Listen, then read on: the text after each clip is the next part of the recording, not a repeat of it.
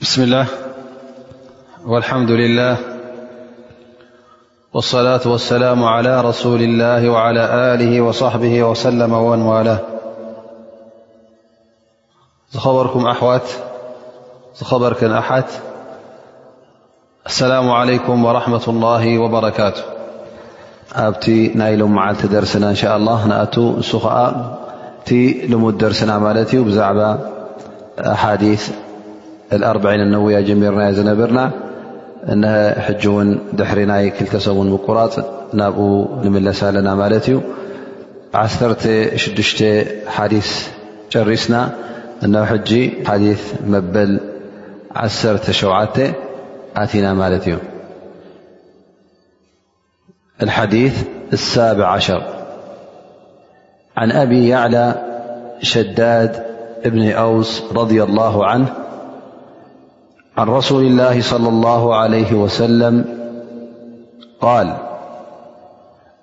إن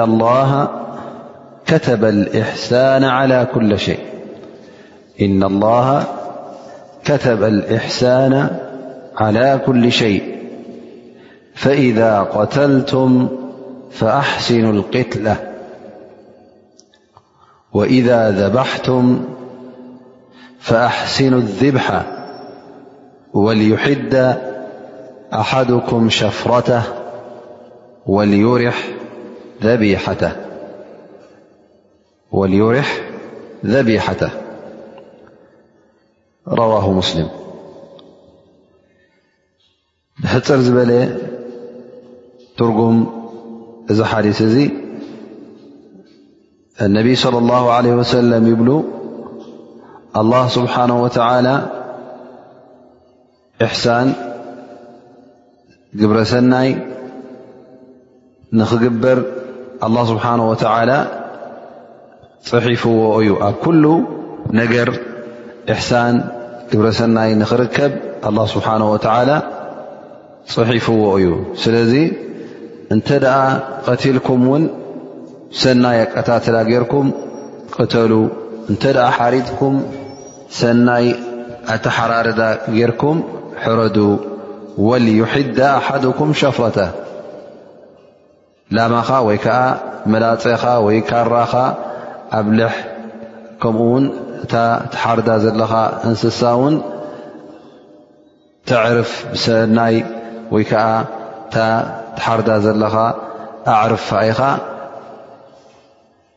ኣይትጉድኣያ ኢኻ ወላ ውን ትሕረድ ተሃሉ ድኣ እምበር ቀልጢፋ ኣብቲ ማሕረድቲ ቀልጢፋ ከም ትመውት ከም ዘይትሳቐ ጌርካ ክትሓርዳ ኣለካ እዮም ዝብሉ ዘለዉ ነቢ ለ ላ ለ ወሰለም እዚ ሓዲስ እዚ እማም እነው ይብል እዚ ሓዲስ እዚ ካብቲ ጠቕላሊ ናይ መሰረታት እስልምና እዩ ምኽንያቱ ኣብዚ ሓዲስ እዚ እንታይ እዮም ዘርእዩና ዘለዉ ነቢ صለ ላሁ ለ ወሰለም ኣላ ስብሓን ወተላ እቲ ግብረሰናይ ኣብ ኩሉ ነገር ክርከብ ከም ዘለዎ ኣብ ሓደ ሸነኽ ጥራይ ዘይኮነ ብ ክልተ ሰለስተ ዓይነት ጥራይ ዘይኮነ እንታይ ደኣ ኣብ ኩሉ ሸነኻት ኣብ ኩሉ ነገራት ከም ዘሎ ወይ ከዓ ክርከብ ከም ዘለዎ እዮም ዝሕብሩና ዘለዉ በል እዚ ነገር እዚ ኣብ ምንታይ ይበፅሕ ይብሉ ኣብቲ ናይ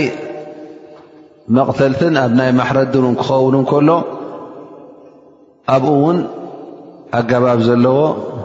ሰናይ ኣገባብ ጌርካ ነታ እንስሳ ክትሓርት ከም ዘለካ ጥራይ ናይ ወዲ ሰብ ኣይኮነን እቲ ጉዳይ እንታይ ደኣ ወላ እውን ኣብቲ ናይ እንስሳ ጉዳይ ክበፅሑ እንከሎ እውን ብሰናይ ኣተሓራርዳ ክትሓርዳ ከም ዘለካ ከም ኣብነት ኣብዚ ሓዲስ እዚ እነቢይ ስለ ላሁ ለ ወሰለም ይጠቕስዎ ማለት እዩ ስለዚ እዚ ሓዲስ እዚ እማም እነወዊ ንገዛእ ርእሶም ኣብቲ ኣርብዒን እነውያ ካብተን ኣርብዓ ብሉፃት ኣሓዲስ ኢሎም ዝመረፅዎን ኣሓዲስ ካብአን ገይሮም ኣብዚ ክታብ እዚ ከስፍርዎ ከለዉ እንታይ ዝርእየና ብልፀት ናይዚ ሓዲስ እዚ ከምኡ ውን እቲ ሒዝዎ ዘሎ ትሕዝቶ ዓብ ትርጉም ዘለዎ ትሕዝቶ ከም ምኳኑ እዩ ዘርእየናን ዘብርሃናል ዘሎ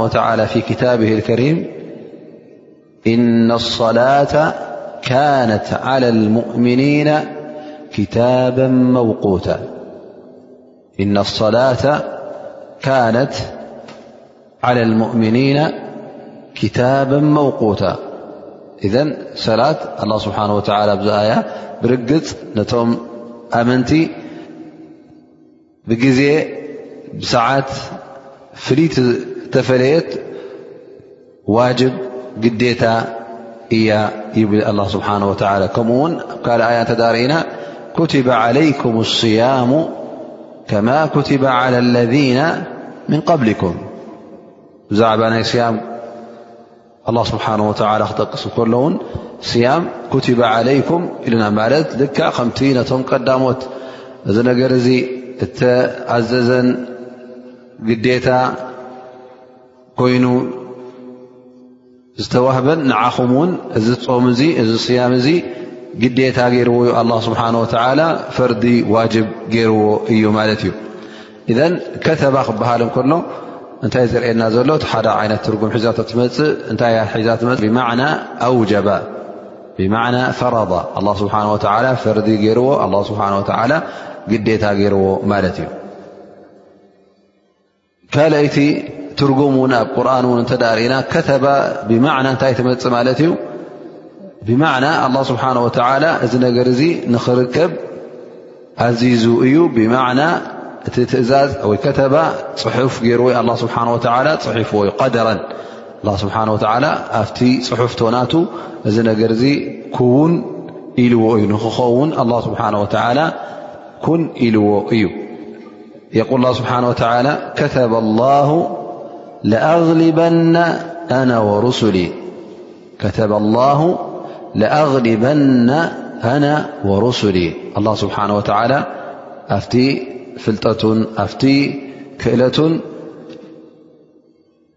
ንሱ ከምኡ ውን እቶም ንሱ ዝለኣኾም ኩሉ ግዜ ዕዉታት ንክኾኑ ኣላ ስብሓን ወተላ እዚ ነገር እዚ ክውን ገይርዎ እዩ ጥርጠራ የብሉን ማለት እኖ ሃ ኣምር ላ መሓላ ዋቅዕ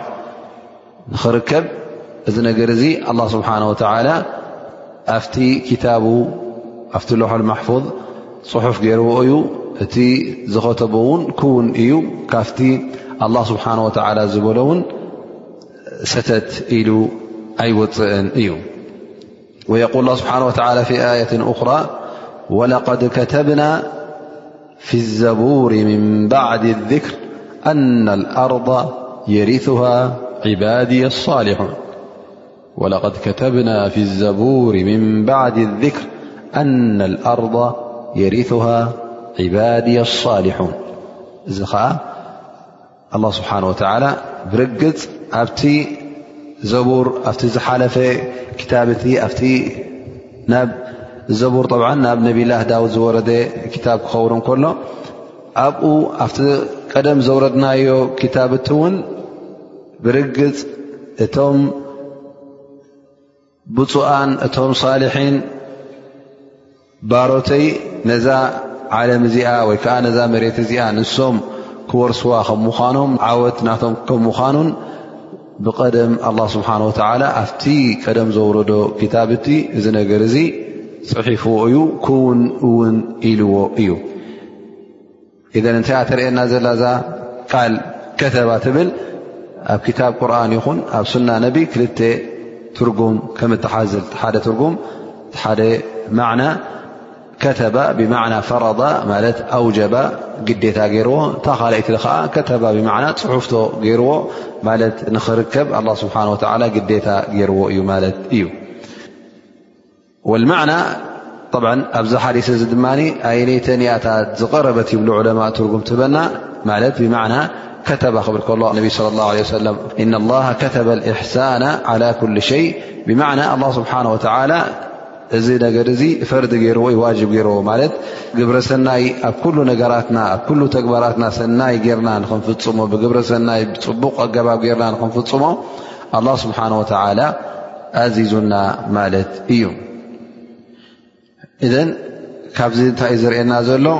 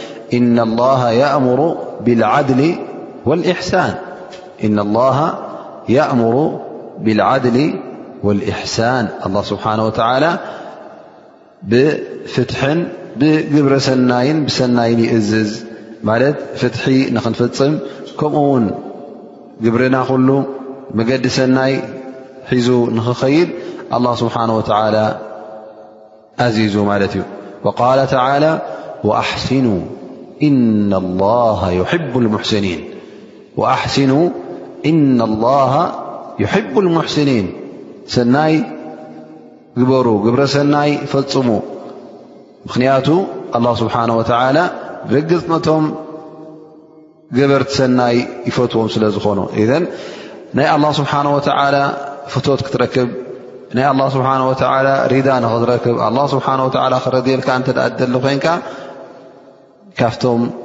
ገበርቲ ሰናይ ካብቶም ሙሕስኒን ክትከውን ኣለካ እዩ ዝብለካ ዘሎ ማለት እዩ ስለዚ እቶም ገበርቲ ሰናይ ኣላ ስብሓን ወተላ ስለ ዝፈትዎም ንሕና ነዚ ነገር እዚ እውን ክንቀዳደመሉን ክንጎየሉን ይግብኣና ማለት እዩ እሕሳን ክበሃል ከሎ እንታይ እዩ ነቶም ማለት ነብስኻ ዘይኮነስ ንኻልኦት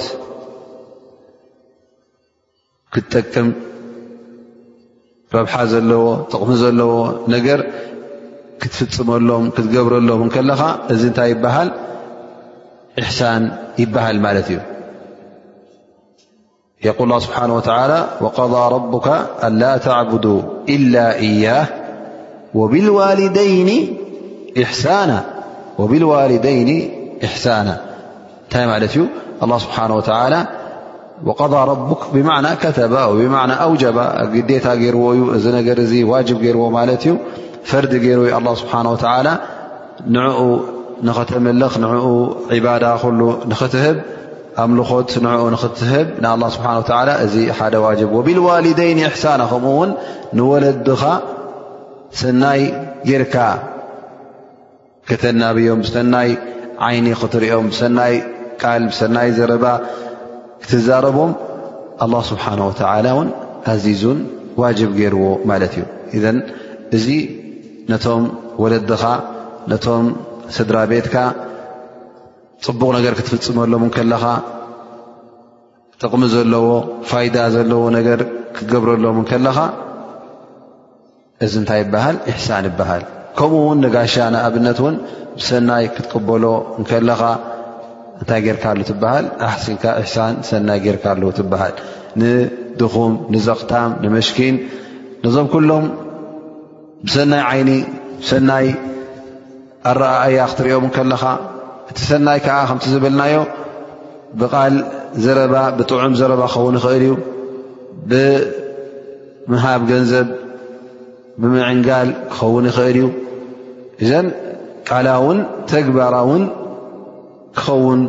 ስለ ዝኽእል እቲ መልሓስ እውን ጥዑም ክምልስ እንከሎ ወኣመሳኢላ ፈላ ተንሃር ኣመ ሳኢላ ፈላ ተንሃር ሓደ ሰብ ክልምነካን ሸጊሩ ክመፀካ እንከሎ ክትምልሰሉ ከለኻ ብጥዑም መልሓስ ጌርካ ክትምልሰሉ ከለኻ እዚ እንታይ እዩ ነቲ ኣላ ስብሓን ወተላ ዝኣዘዞ ናይ እሕሳን ዝበሃል ናይ ግብረሰናይ ዝበሃል ዘማለአ ይኸውን ማለት እዩ ኢዘን እቲ እሕሳን ክበሃል እንከሎ እንታይ ኸውን ማለት እዩ ንገዛእ ርእሱ እቲ ካባኻ ዝድለ ግዴታታት እቲ ካባኻ ዝድለ ዋጅብ ንተፈላለዩ ሰባት ንኣሕዋትካ ኮይኑ ንኣዝማትካ ንሰብካ ኩሉ ወዲ ሰብ ከምኡ ውን ካብኡ ሓሊፉ ውን ናብ እንስሳ ከም ዝሰግር ውን እዩ ዘርእየና ዘሎ ማለት እዩ እቲ ሰናይ ናብ ኩሉ ከም ዝሰግር ኣላ ስብሓን ወተላ ከምዛ ኣብዛ ሓዲስ እዚኣ ዝተጠቕሰ ኣላ ስብሓን ወላ ከምዝኣዘዘ እነቢ ለ ላ ሰለም ሓቢሮምና ማለት እዩ ከምኡ ውን ኣብቲ ዋጅብ ዘይኮነ ኣብቲ ናይ ተጠውዕ ኣብቲ ናይ ግብረ ሰናይ ኣብቲ ናይ ሱነን ዝበሃል ሙስተሓባት ዝበሃል ሰደቀት ተጠውዕ ክተውፅእ ከለኻ እዚ እውን ንገዛእ ርእሱ ካብቲ እሕሳን እዩ ዝቁፅር እዘ እቲ እሕሳን ንገዛእ ርእሱ ዋጅብ ክኸውን ይኽእል እዩ እቲ ሕሳን ንገዛእ ርእሱ እውን መርተባ ካብ ናይ ዋጅብ እውን ወሪዱ ኣብ ናይ ሱና ኣብ ናይ መንዱብ ውን ክኣቱ ይኽእል ማለት እዩ እዘን እቲ ማዕና ወይከዓ ትርጉም ናይ እሕሳን ከምዚ ገርና ክንርድኦ ይግባእ ከምኡ ውን እሕሳን ክበሃል እንከሎ ካልእ ትርጉም ክሕዝ ዝኽእል እዩ ንሱ ከዓ ንዝኾነ ይኹን ስራሕ ክትሰርሕ ከለኻ ንዝኾነ ይኹን ግብሪ ንክትፍፅም ከለኻ ብፅፈት ክትሰርሕ ከለኻ ብፅፈት ምስራሕ እሕሳን እዩ ዝበሃል ፈኢዘ የእቲ እሕሳን ብማዕና ኣልእትቃን ወእጃደት ሸይ ትሰርሖ ስራሓት ብሰናይ ኣሰራርሓ ብፅቡቕ ብፅፈት ብፅርት ክትሰርሖ ከለኻ እዚ እንታይ ይበሃል ውን እሕሳን ይበሃል ማለት እዩ ስለዚ ነቲ ትገብሮ ዋጅባት ነቲ ኣላ ስብሓን ወተላ ዝኣዘዞ ውን እቲ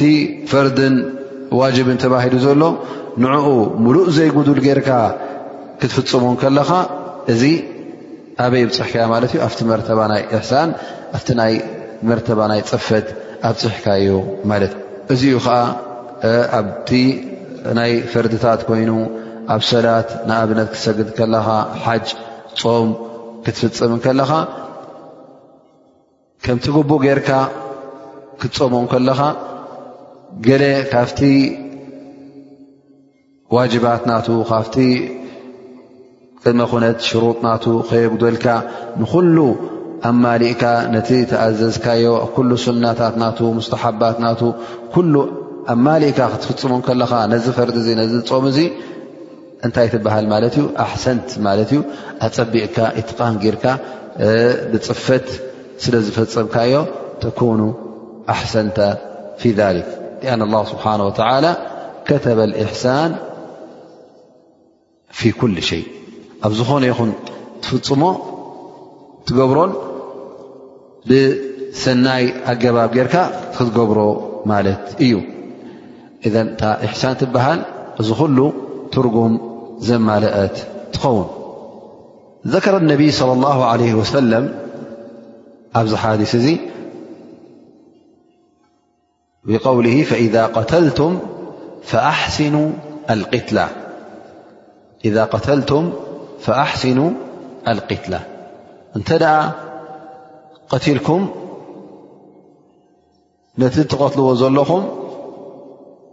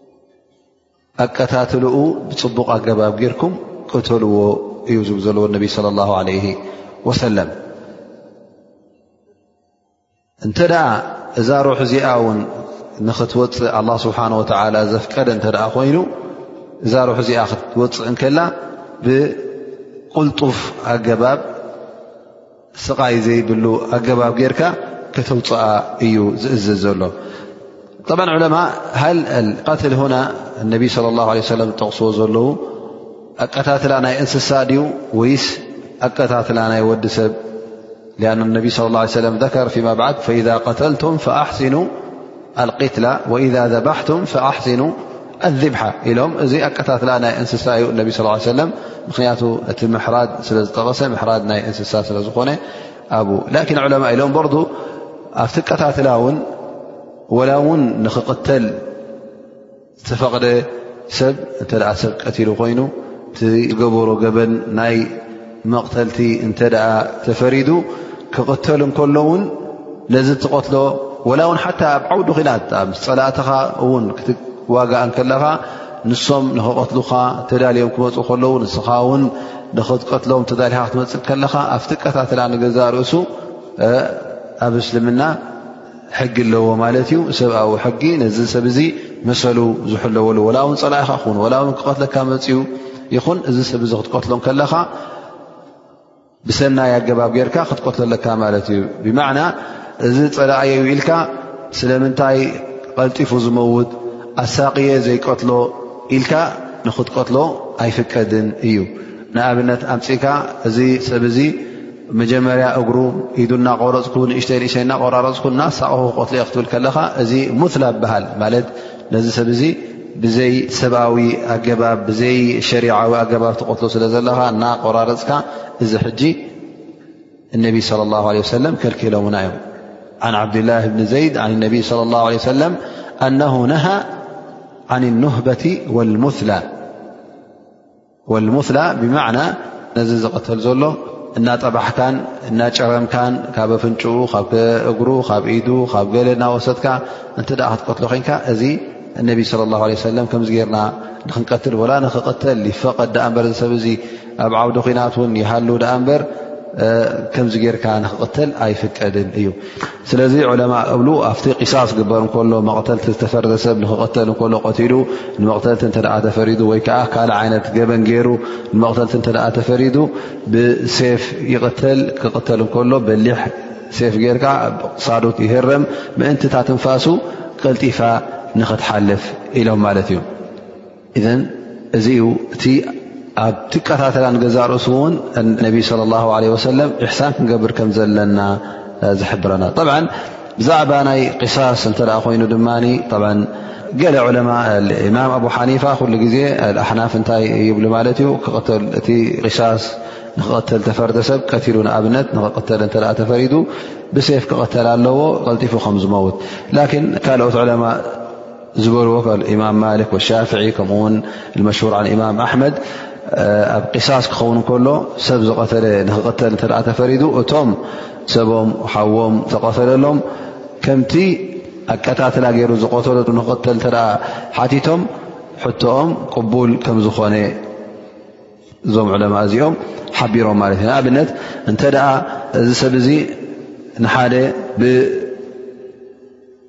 ካራ ቀትልዎ ወይ ብእሳት ብሓዊ ኣንዲዱ ቀትልዎ ወይ ከዓ ስምስትዩ እተ ቀትልዎ ወይ ከዓ እንተ ብበትሪ ሃሪሙ እተ ቀትልዎ እሞ እቶም ተቐተሎም ሰብ ንሕናስ ልክዕ ከምቲ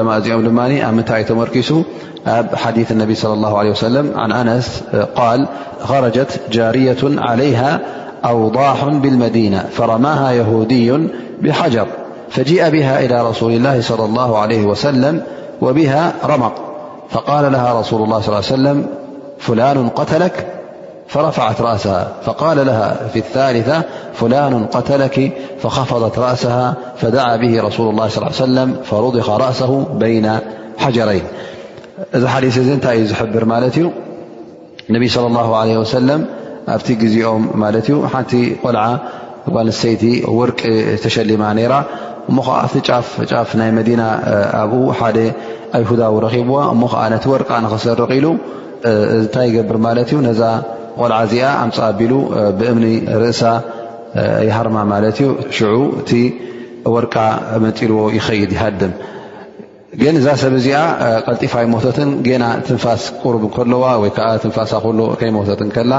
ሰብ ረኪቦማ ማለት እዩ ናብ ነቢ ስ ሰለ ን ኣምፅኦማ ነቢ ስ ሰለ ይሓትዋ ነሮም ማለት እዩ መን ይቀትሉኪ ሕሳ ሕጂ ክትዛረቡ ትክል ኣይነበርትን ጥራይ ትሰምዕ ነራ ግን ብርእሳ ምልክት ትህብ ራ ማለት እዩ ፍላን ክስቶ ዲዩ ቀቲሉኪ ኢሎም ሓቲቶማ ስለ ብርእሳ ነቕነቕ ኣቢላ ኣይኮነን ትብል ነራ ማለት እዩ ክልተ ሰለስተ ሻ ደጊሞም ደጋጊሞም ስሓተትዋ ነቢ ስ ሰለም እቲ ዝቐተላ ስም ዝተጠቐሰ ርእሳ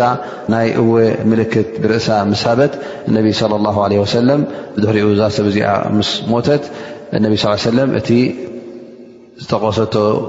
ኣይሁዳዊ ተፀዊዑ ማለት እዩ ተሓቲቱ እውን ከም ዝቐተላ ውን ዝተኣመነ እዚ ሰብ እዚ ከምቲ ልክዕ ከምቲ ንዓኣ ገይሩ ዝቐተላ ገይሮም ቀትሎሞ ማለት እዩ ማለት ብእምኒ ኣብ ርእሳ ጨፍጭፉ ስለ ዝቐተላ ልክዕ ከምኡ ገይሮም ማ እቶም ስድረኣ ከምኡ ይቀተል ስለ ዝበሉ ብእምኒ ኣብ ርእሱ ተሃሪሙ ተቐትሉ ማለት እዩ እዘን እብን ሓዝም ንገዛእ ርእሱ እውን ይብል እቶም ዕለማ ካልኦት ወይከዓ ናይ ብሴፍ ክቐተል ኣለዎ ዝበሉ ብ በዛ ሓዲስ ሎማዓልቲ ዝጠቐስናዮ ፈኢዛ ቀተልቱም ፈኣሕሲኑ ቅትላ ብኡእዮም ተመርኪሶም ነይሮም ማለት እዩ ግን እብን ሓዝም ይብል እቲ ንገዛእ ርእሱ ኣሕሲኑ ቅትላ ዝበለና ነቢ ለ ላ ለ ወሰለም ንገዛእ ርእሱ ነቲ ሰብ ዝቐተለ ከምታ ኣገባብ ኣቀታትላ ገይሩ ዝቐተላ ብከምኡ ጌርካ ክትቀትል ከለካ እዚ ንገዛእ ርእሱ ምና ልእሕሳን ወምና ልዓድል ይብሉ ምክንያቱ ልክዕ እቲ ፍትሒ ነዚ ሰብ እዚ ከምታ ዝገበራ ከምታ ኣቀታትላ ገይሩ ንካልእ ዝቐተላ ብኣ ክትቀትሎ ከለካ እዚ ንገዛእ ርእሱ እንታይ እዩ ይብሉ እብኒ ሓዝም ንገዛእ ርእሱ እዙ እሕሳን እዩ ነቲ ቂሳስ ነቲ ሕነ ከምቲ ግቡእ ክፍደን ከሎ እዚ ንገዛእ ርእሱ ጥቕሚ ኣለዎ እሱ ከዓ ዩ ትግቡእ ይብል ማለት እዩ ወማ ከማ ቃል ስብሓ ወላ ወልሕሩማቱ ቂሳስ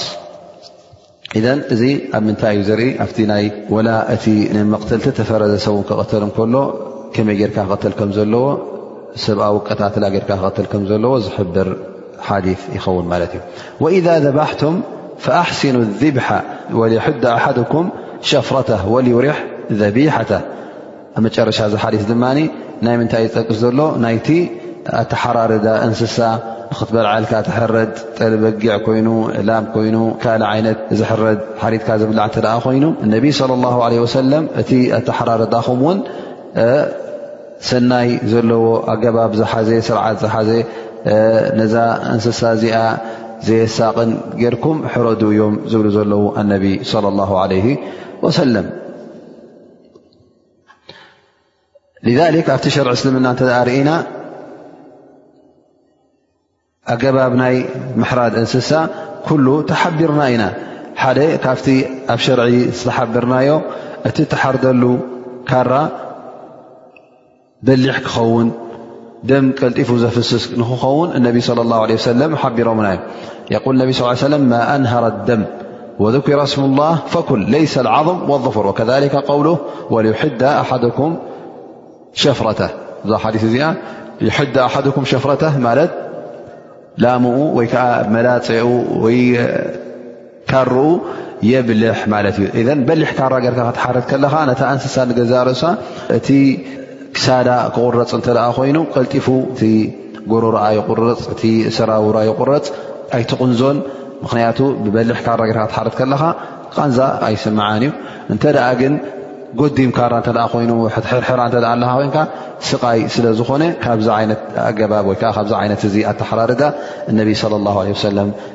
ይኽልክሉን ኣለዉ ማለት እዩ ካብቲ ኣዳብ ናይ መሕረድ ክትሓርድ ከለኻ ንእንስሳ እውን እነቢ ስ ሰለም ካብቲ ዝሓበሩና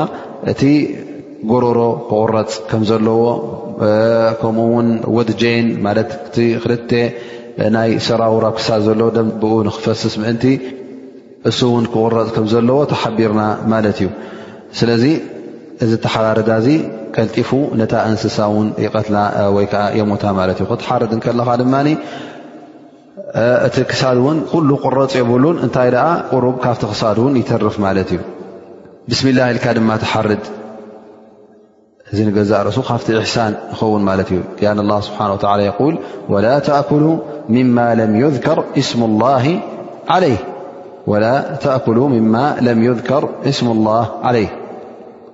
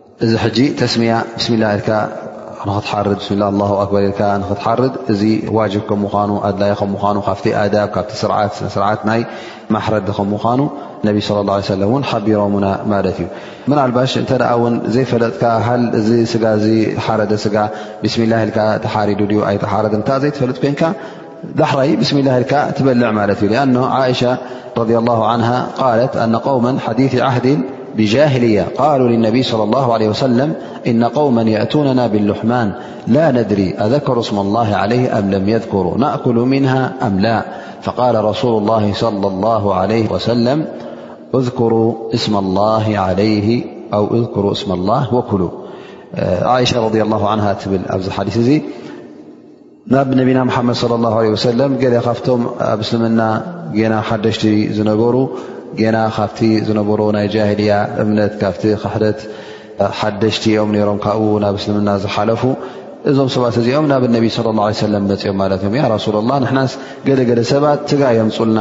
እሞ እዚ ስጋ እዚ ንና ብስሚላ ኢሉ ተሓሪዱ ወይ ኣይተሓረደ ከመይ ኢሉ ከም ተሓረደ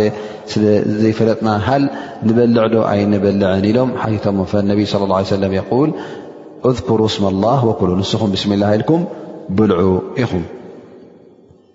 ኣብቲ ተሓራርዳ እውን ካብቲ ኣብ እስልምና ዘሎ ሸርጥታት ወይ ቅድሚ ኩነት እቲ ዝሓርድ ኣስላማይ ክኸውን ከሎ ከምኡ ውን ዓቕሊ ዘለዎ ማለት ፅሉል ዓቕሉ ዝሰሓተ ክኸውን የብሉን ከምኡውን ወይ ክንዲ ሰብ ዝኣኸለ ወይ ውን ወዲ ሸ8 ዓመት ዝፈልጥ ማለት እዩ ህፃን ክኸውን የብሉን ላን ሸ8 ዓመት ዝበፅሐ እተ ኮይኑ እሱ ዝሓረዶ እውን ይብላዕ ማለት እዩ ወይ ከዓ ካብቶም ኣህል ክታብ ክኸውን ከሎ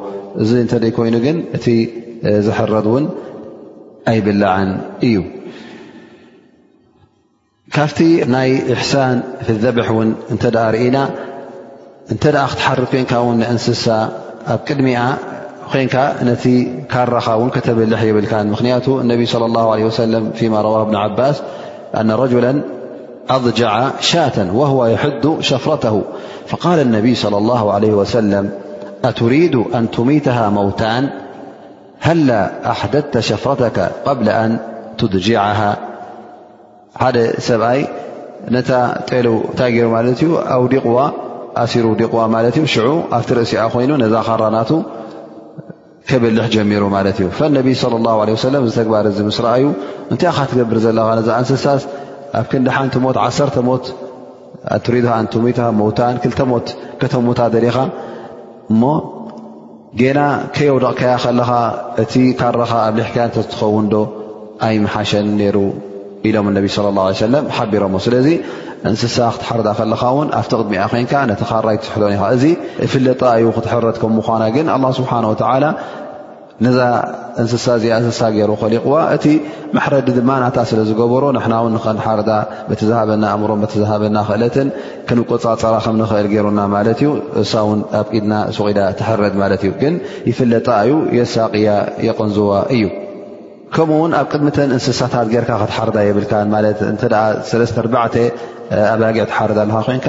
ከዊልካ ክትሓርዳ ኣለካ ካብተን ኣሕዋታ ዳኣ እንበር ኣብ ቅድሚ ኦን ኮንካ ውን ክትሓርድ የብልካ ምክንያቱ እሰን ውን እተ ካልኦት እንስሳ ቲ ማሕረዲ ይፍለጠን ስለ ዝኾነ ከምኡ ውን ካብቲ እሕሳን ናይ ማሕረድ ክትሓርድ እንከለኻ ውን እዛ እንስሳ እዚኣ ሓሪድከያ ገና ትንፋሳ ኩሉ ከይወፀ ከሎ ክንፋሳ ከይ ኣብ ሞት በፂሓ ኣካላታ ኩሉ ዝግ ከይበለ ከሎ መፂካ ካብ እግራ ኮይኑ ካብ ክጠብሓ ኮይኑ እንተ ጀሚርካ እዚ ተግባር እዚ እውን ጌጋ እዩ ካብቲ እሕሳን ፍልደብሕ ኣይኮነን ማለት ካብቲ ሰናይ ግብሪ ናይ ማሕረድቲ ኣይኮነን ክትሓርድ እንከለኻ እዛ እንስሳ ዲኣ ክሳዕ ትመውት ትፅበያ ማለት እዩ ብድሕሪኡ ናይ መጥባሕትን ናይ ካብቲ ኣካላታ ምቑራፅን ትጀምር እዘን ሓዲት ነቢ ስለ ላ ለ ወሰለም እንታይ ዘርእየና ዘሎ እቲ ግብረ ሰናይ ኩሉ ናብ ኩሉ ከም ዝበፅሐ እዩ ዘርእየና ዘሎ ማለት እዩ እቲ ግብረ ሰናይ ከምቲ ንሕና እንፈልጦ ሰብ ደቂ ሰብ ጥራይ ኣይኮነን እንታይ ደኣ ንእንስሳ ውን ከም ዝኾነ ጥራይ ንሰብ ኣይኮነን እንታይ ደኣ ንእንስሳ ውን ከም ዝኾነ ነቢ ስለ ላ ለ ወሰለም ኣፀቢቖም ኣብሪሆምልና ማለት እዩ መጨረሻ ገለ ካብቲ ፋይዳታት ናይዚ ሓዲስ እዚ ክንጠቅስ እተ ኮይና እዚ ሓዲስ እዚ እንታይ ይርእዩና እቲ ርህራሀ እቲ ራሕማን እቲ ሸፈቓን ንኹሉ ክበፅሕ ከም ዝኽእል ናብ ደቂ ሰብ ናብ ኣሕዋትካ ናብ ቤተሰብካ ጥራይ ዘይኮነ ናብ መላእ ህዝቢ ዓለም ክበፅሕ ከም ዝኽእል ናብ መላእ ህዝቢ ጥራይ ዘይኮነ እውን ናብ እንስሳ እውን ክሰግር ከም ዝኽእል እዩ ዘርእየና ዘሎ ማለት እዩ ስለዚ እቲ ሸፈቃን ቲ ራሕማን ቲ ለዋህነትን ሲ ብቐደሙ እቲ እስልምና ከም ዘስፈኖ እዩ ዘርእየና ዘሎ ማለት እዩ ከምኡ ውን እዚ ሓዲስ እዚ ንወዲ ሰብ ወላ ንክቕተል እከሎ ንክቕተል ተፈርደ ኣይኮነን ንኣሳቂኻ ንክትቀትሎስ ኣብቲ ሸርዒ እስልምና ወላ ውን ንምዉት ሰብ ተቐተለ ሰብ ኣምፅእካ ውን እንተ ሕርቃ ነይሩ እኳ ኮይኑ ወይ ፅልኢ ነይሩ እኳ ኮይኑ እሞ ከዓ ወላ ሞይቱ ከሎ ኣየሳቅዮን እዩ ግን ንስኻ ፅልኢ ስለ ዘለካ ኣነስ ደጊመ ሕጂ ክቆራርፆ ኢልካ ክትቆርፆ እተ ጀሚርካ ምስ ሞተ ውን ወላ ውን እዚ ነገር እዚ ነቲ ምዉት ስቃይ ኣየመሓላልፈሉን ይኹን ዳኣ እምበር ግን እዚ ግብረ እዚ ሰናይ ተግባር ስለ ዘይኮነ ነቢ ስለ ላ ለ ሰለም ድሕሪ ሞት እውን ንወዲ ሰብ ንክትቆራርፆን ንክትጠብሖን ሙትላ ይበሃል እዚ ማለት እዩ ንክትቆርፆን ንክትጠባብሖን እውን ከልኪሎምና እዮም ስለዚ እቲ ኣዳብ ወይ ከዓ ስነ ስርዓት ናይ እስልምና ኩሉ ግዜ ናብ ሰናይ ናብ ግብረ ሰናይ ንምሉእ ሰብ ናይ ሰብኣዊ أجبب سرعت كم زحز እي زرኤናا ዘل لت ي أقول قول هذا وأسأل الله سبحانه وتعالى أن ينفعنا بما سمعنا وأن يعلمنا ما ينفعنا وصلى الله على نبينا محمد وعلى له وصحبه وسلم ي لم درسنا بزي دمدم ل